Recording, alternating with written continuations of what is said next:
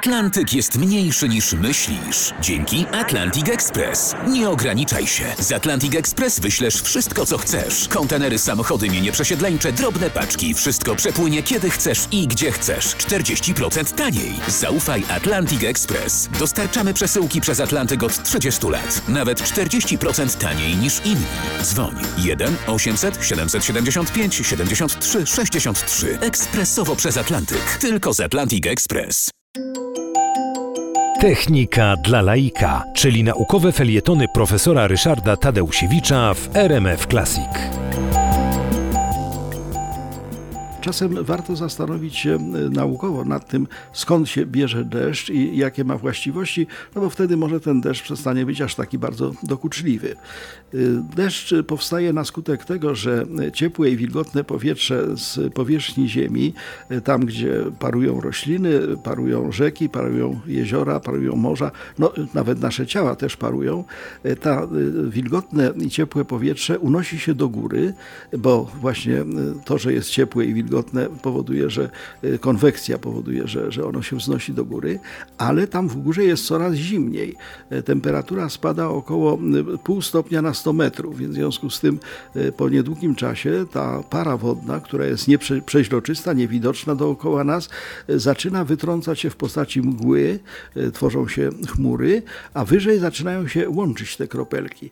W typowej chmurze jest równowaga dwóch sił, dwóch dwóch procesów. Mianowicie te tworzące się mikrokropelki, które mogłyby stać się deszczem, y, są y, przyciągane przez Ziemię, więc chciałyby spaść, ale jednocześnie ten prąd tej konwekcji wznoszącego się ciepłego powietrza utrzymuje je w równowadze. No i wobec tego w chmurze kłębi się to wszystko, ale te krople nie spadają. Natomiast jeśli na skutek turbulencji albo innych czynników te krople zaczną się łączyć, to coraz większe krople mają no, coraz większą masę. Ta grawitacja zaczyna wygrywać. Proces y, no, y, formowania się deszczu y, zaczyna się w momencie, kiedy te mikrokropelki tworzące się w chmurach ze zderzeń poszczególnych takich jeszcze mniejszych kropelek przybierają rozmiar powyżej pół milimetra. To pół milimetra jest taką wartością graniczną. Od tego momentu siły grawitacji wygrywają, krople zaczynają spadać, napotykają kolejne krople, łączą się, no i powstają krople o coraz większej średnicy może ciekawe jest, że te krople spadają też ze stałą szybkością. Jeżeli zrzucimy coś z góry, to na ogół ono spada z przyspieszeniem, to znaczy y, na, na pewnej wysokości ma jakąś szybkość, a y, jak spadnie niżej, będzie miało tą szybkość większą. W przypadku kropel deszczu one spadają z szybkością zależną od, od średnicy kropel, natomiast znowu występują dwa jak gdyby wyrównujące się procesy.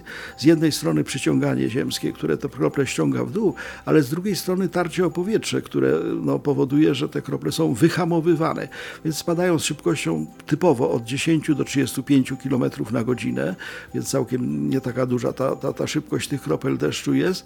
I co więcej, krople deszczu spadając parują, dlatego że e, spadają ocierając się o powietrze, co sprzyja parowaniu i spadają do coraz cieplejszych warstw atmosfery, co też e, powoduje, że one parują.